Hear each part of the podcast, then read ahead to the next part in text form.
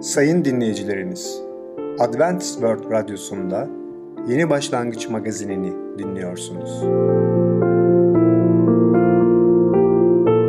Sayın dinleyicimiz, ben Ketrin Akpınar, Adventist World Radyosu Yeni Başlangıç magazinine hoş geldiniz.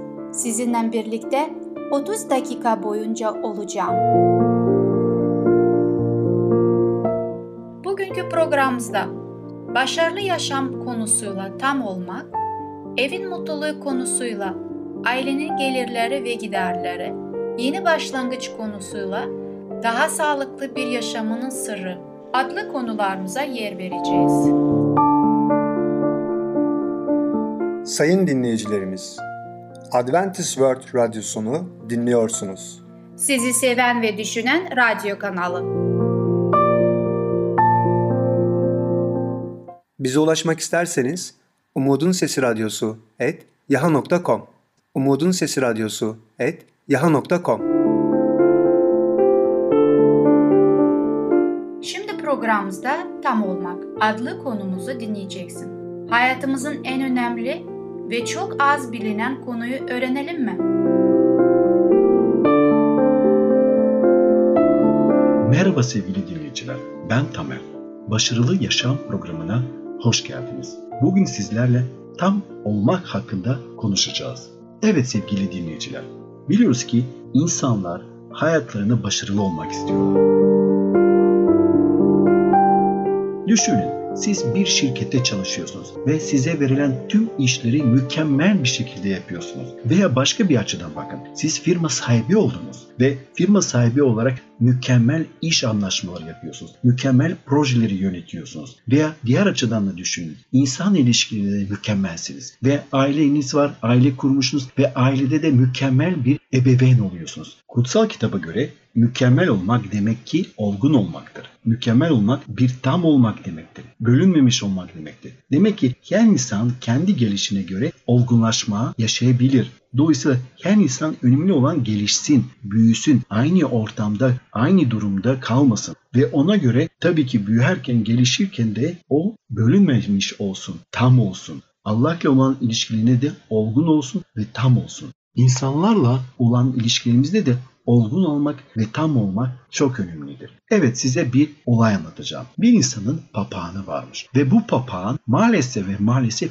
çok kötü sözler söylüyormuş. Çok kötü bir şekilde küfürlü, argulu kelimeler söylüyormuş. Hatta bu papağan hiç durmadan 5 dakika boyunca ve tekrarlanmadan kötü sözler söyleyebiliyormuş. Sahibi bir genç adam bu papağandan çok utanıyormuş ve bu problemin çözümü için bir yol arıyormuş. Ve ne yapsın? Papağanla bir şekilde anlaşmaya çalışmış. Lütfen ne olur ne olur sen böyle davranma, kötü konuşma. Papağan sanki söz vermiş gibi olmuş ama asla ve asla sözünü tutmamış ve daha sık ve daha fazla kötü sözler konuşmaya devam etmiş ve böylece genç adam daha da sinirlenmiş. Ne yapacağını artık bilemeyerek papağanın neredeyse gırtlağına sarılmış. Papağan bunu görünce sanki geri adım atıyormuş gibi olmuş ama özgürlüğüne kavuşunca tekrar eski yolundan kötü sözlere devam etmiş. Bu kez genç adam papağanı mutfaktaki bir dolaba saklamaya çalışmış. Orada onu tutup böyle bir ceza alıp belki de papağan tövbe edecek veya papağan vazgeçecek kötü kelimeler söylemekten. Ve bakmış ki papağan tam tersine daha kötü davranmaya başlamış, çizmeye başlamış, yine kötü sözler konuşmaya devam etmiş ve huysuzluk yapmaya devam etmiş. Bundan dolayı bir sonraki adım artık bilemiyormuş genç adam ne yapsın? Çünkü insanlar önünde çok utanıyormuş papağanın yaptığı bu kötü sözler konuşmasından dolayı. Artık son çare olarak genç adam şöyle demiş. Ya ben bu papağanı artık ne yapacağım? Buzdolabına atacağım. Ve tabii ki buzdolabında farklı farklı yiyecekler varmış. Dondurulmuş tavuk, dondurulmuş başka yiyecekler varmış. O da papağanı oraya atmış. Papağan biraz çırpınmış, biraz oradan bir şey konuşmaya devam etmiş ve ondan sonra birdenbire genç adam görmüş ki buzdolabından bir sessizlik geliyor. Bir sessizlik var.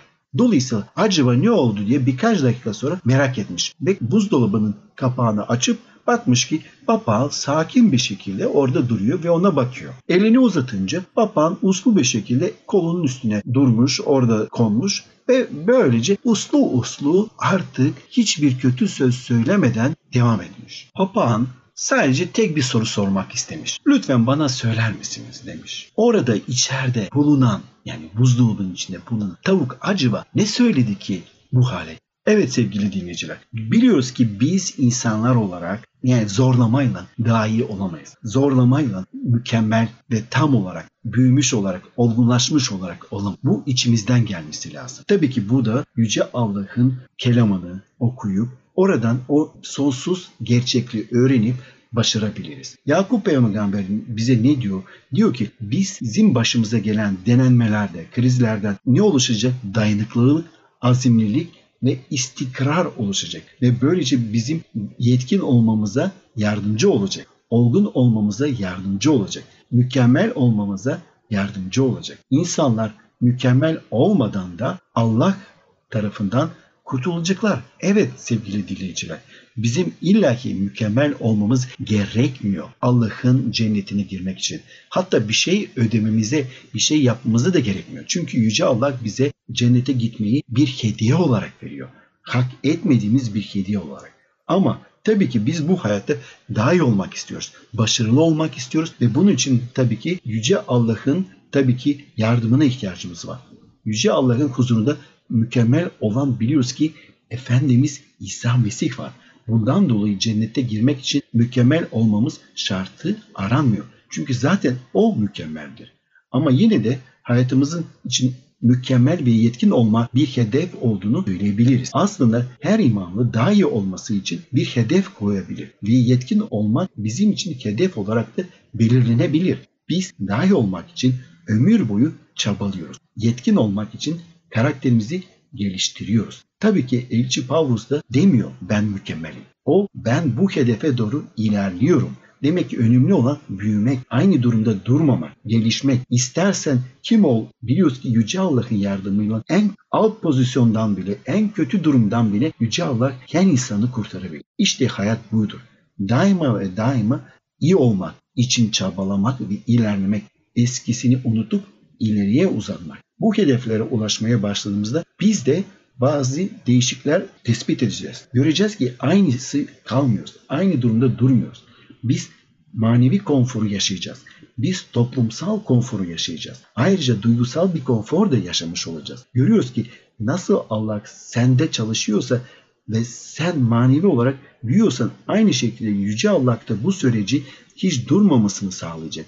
Daima ve daima daha ileriye gitmemiz için, daha iyi olmamız için, daha olgun olmamız için Yüce Allah bize yardım edecek. Tam olmak ne anlamına geliyor diye sorusuna gelince bölünmemiş olmak anlamına geliyor. Senin sözlerin ve eylemlerin yaptıkların uyumlu olsun. Yani sözün ve eylemlerin aynı olsun. Hayatın ve söylediklerin aynı olsun demektir. Aslında yetkin olmak bu anlamına geliyor. Tüm bunlar krizler aracılığıyla oluyor. Bu sevinmek için bir sebeptir. Sevgili dinleyiciler, bugünkü konumuz sona eriyor. Bir sonraki programına kadar hoşçakalın. Sayın dinleyicimiz, Tam Olmak adlı konumuzu dinlediniz. Bu hafta Cuma günü Başarılı Yaşam programımızı aynı saatte dinleyebilirsiniz.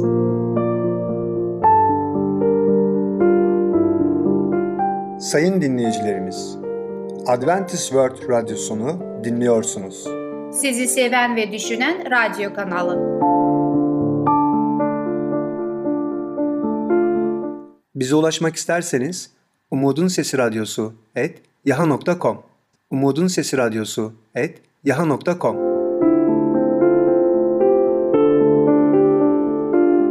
Şimdi programımızda ailenin gelirleri ve giderleri adlı konumuzu dinleyeceksiniz. Ailedeki bütün fertleri giderler ve gelirler hakkında öğrenmeleri gerekir mi?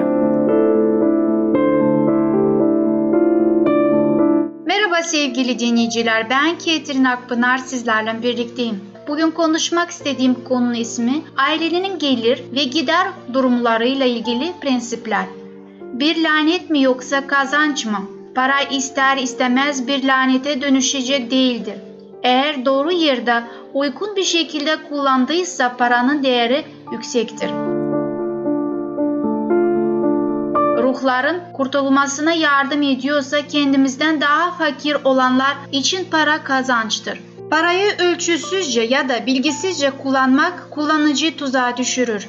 Parayı tutkuyla ve kibirli bir şekilde kullanan kimseler için para kazanç olmaktan çok bir lanete dönüşür. Kendi kalbinde bilgeliği ve inceliği seçmek ve kalbinde sebat etme duygularını beslemek yerine her kim ihtiyaç duyduğunu miktardan daha fazlasını alırsa Rabbin emanet ettiği kapitali savurgan bir şekilde kullanıp sadakatsiz bir hizmetkara dönüşmesin ve hayali istekleri sahip olmasın diye çabalamalıdır. Ev sahipliğinde güvence Rabbin buyruklara aynı şekilde uygulanmaya devam etseydi, dünya ahlaki açıdan, ruhsal bakımdan ve şimdi içinde bulunduğu durumdan ne kadar farklı olacaktı. Bencillik ve kendini beğenmişlik günümüzde olduğu kadar açıkça kendini göstermeyecekti. Bunun yerine her bir kişi karşısındakinin mutluluğu ve refahı için karşısındakine saygı gösterecekti. Fakir kesim zenginlerin baskısı ve demir topukların altında ezilmek yerine hem dinsel konularda hem de dünyevi konularda başka beyinlerin onların adına plan yapmasına ve düşünmesine izin vermeyecek kendi düşüncelerinde ve hareketlerinde özgür olacaklardır.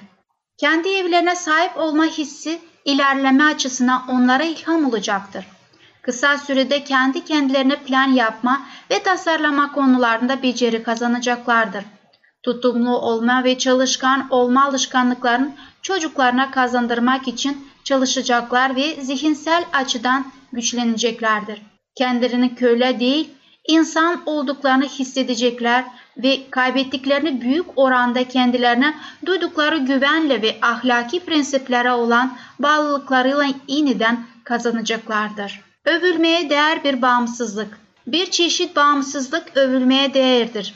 O da kendi yükünüzü kendinize taşıma, arzunun ve ahlakça doğru olmayan yollara kazanılmış ekmeği yememenizdir. Bu alın terinizle kazandığınız asil bir çabadır ve kendi emeğinizle ayakta durmak istediğinizi gösterir. Çalışkanlık, alışkanlık haline getirmeli ve tutumlu olmak gereklidir.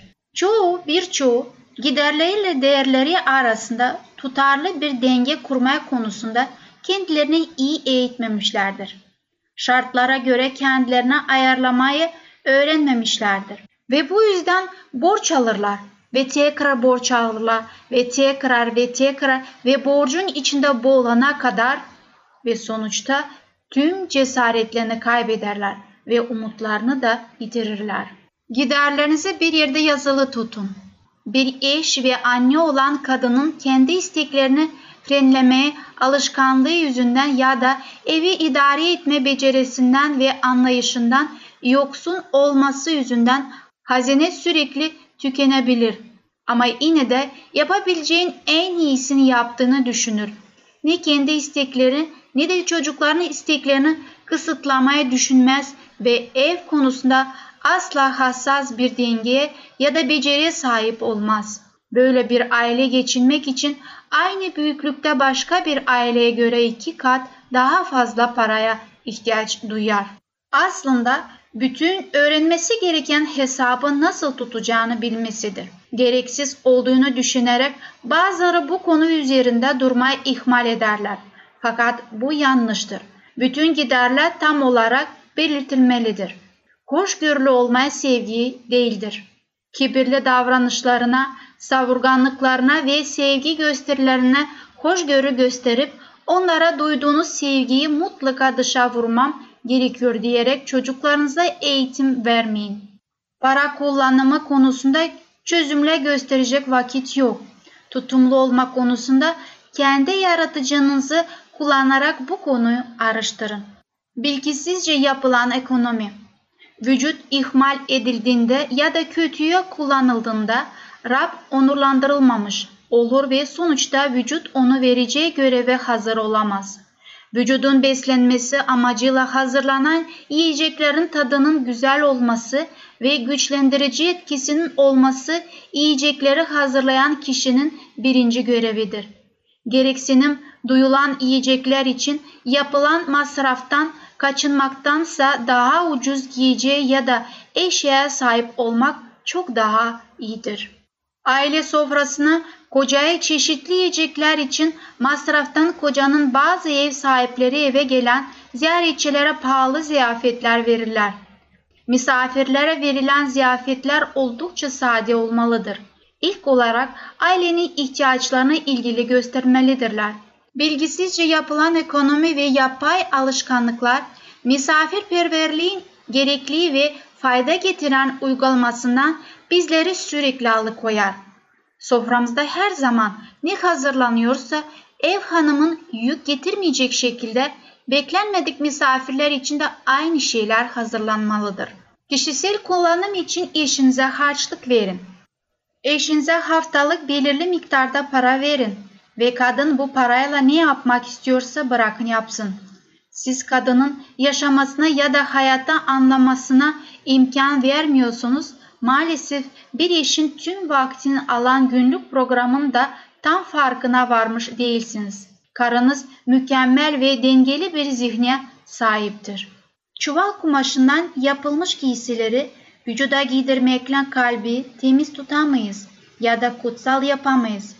Rahatlık, konforu ve hayatta tat veren bütün işlerden evi yoksun bırakmayız. Rab halkının konforlu ve huzurlu bir yaşamdan yoksun kalmalarını istemedi. Sevgili dinleyiciler, bir konunun daha sonuna geldik ve bir sonraki programa kadar hoşça kalın. Sayın dinleyicimiz, Ailenin Gelirleri ve Giderleri adlı konumuzu dinlediniz. Bu hafta cumartesi günü Evin Mutluluğu adlı programımızı aynı saatte dinleyebilirsiniz.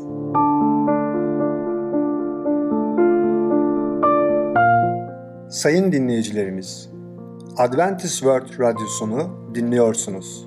Sizi seven ve düşünen radyo kanalı.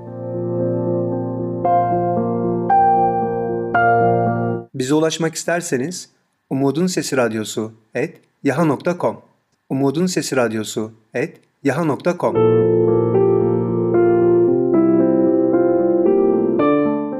Şimdi programımızda Daha Sağlıklı Bir Yaşamın Sırrı adlı konumuzu dinleyeceksiniz. Daha sağlıklı insanlar beslenme sırrı nelerdir? Tarih sağlık hakkında ne diyor?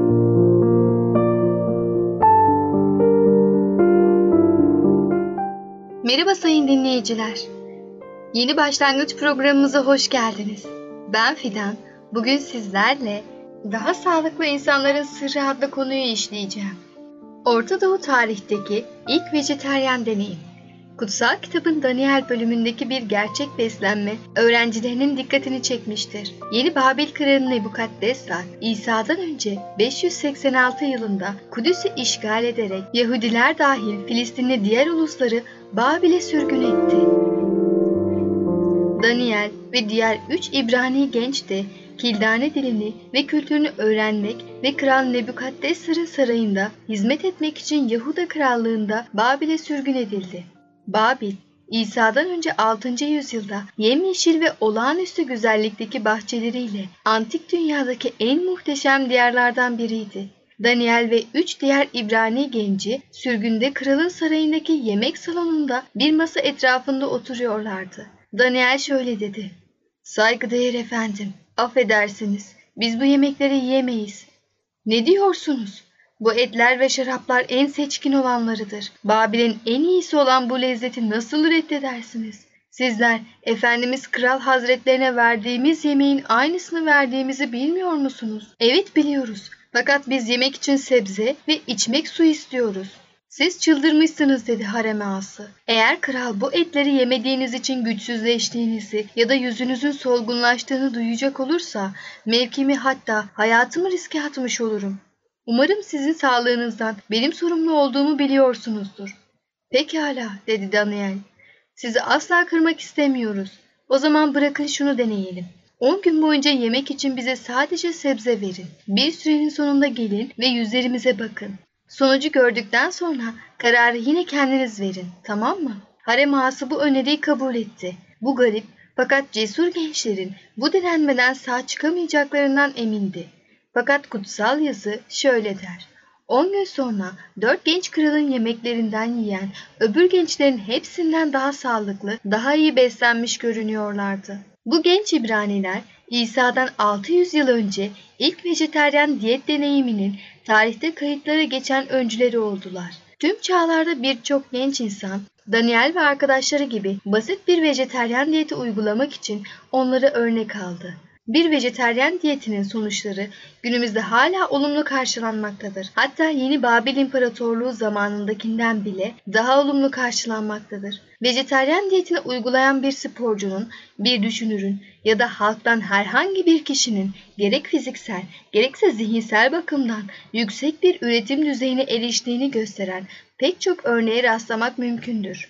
Eski Yunanlılar ve Romalılar İnsanların beslenme alışkanlıkları çağlar boyunca belli bir aşamalardan geçmiştir. Bir ulus güçlenmek için çaba harcadığında normalde uyguladıkları diyet tutumlu ve genelde bitkisel kaynaklı besinlerden oluşan bir diyettir. Diyetteki menü genişledikçe hayvansal kaynaklı besinler de eklenir. Daha sonra alışkanlık, çoğu kez oburluk ve zevk düşkünlüğüne dönüşür.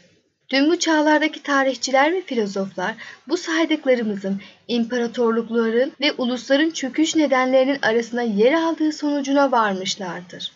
Bir ulus en parlak dönemini yaşarken beslenme alışkanlıkları da dahil basit bir yaşam tarzı olan başka bir ulusun yakın zamanda onun yerine geçtiğini tarih açıkça göstermiştir. Sıkı vejeteryan olmamalarına rağmen Yunanlı filozoflar Pisidagoras, Sokrates ve Plato doğal yaşam ve hijyen programının bir parçası olarak bitkisel besinlere dayalı bir diyet önermişlerdir. Hayvanları kurban etmenin asil bir davranış olmadığına ve insanı küçük düşürdüğüne inanıyorlardı. Roma İmparatorluğu halkı bilginlerine ve filozoflarına itibar etmedi. Zevk, eğlence ve yeme içme düşkünlüğüne kapıldılar. Bunun sonucunda İsa'dan sonra 5. yüzyılda imparatorlukları çöktü ve barbarların eline düştüler. Orta çağda vejeteryenlik pratikte pek fazla ilgi görmedi.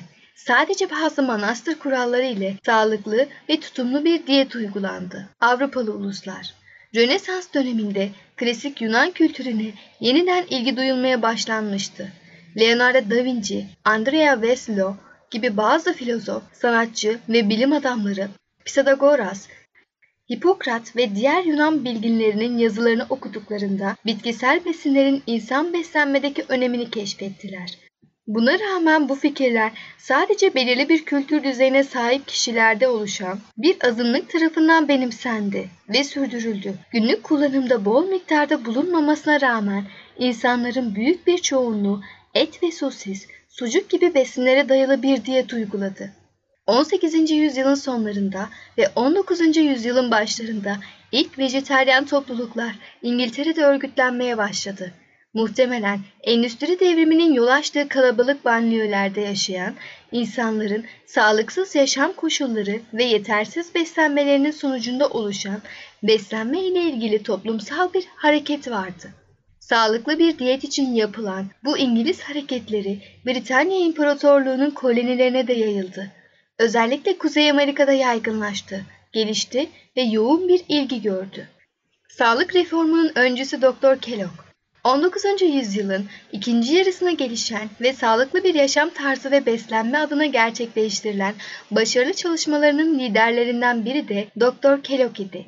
Doktor John Kellogg bir vejeteryan diyeti ile hidroterapi, masaj ve güreş banyosu gibi yenilikçi tedavi yöntemlerinin uygulandığı dönemde Batı dünyasındaki ilk ve en önemli sanatoryumu kurdu ve işletti. 19. yüzyılın ortalarında bile bazı hekimlerin çok az bilimsel temeliyle civa ve diğer zehirli maddelere düzenlediği reçetede yer veren Galen'in gül gülünç teorisine dayalı heroik yöntemler uygulamaya devam ettiklerini hatırlatmalıyız. Sağlıklı bir diyet ve fizyoterapi hakkında ya çok az şey biliyordu ya da hiçbir şey bilinmiyordu.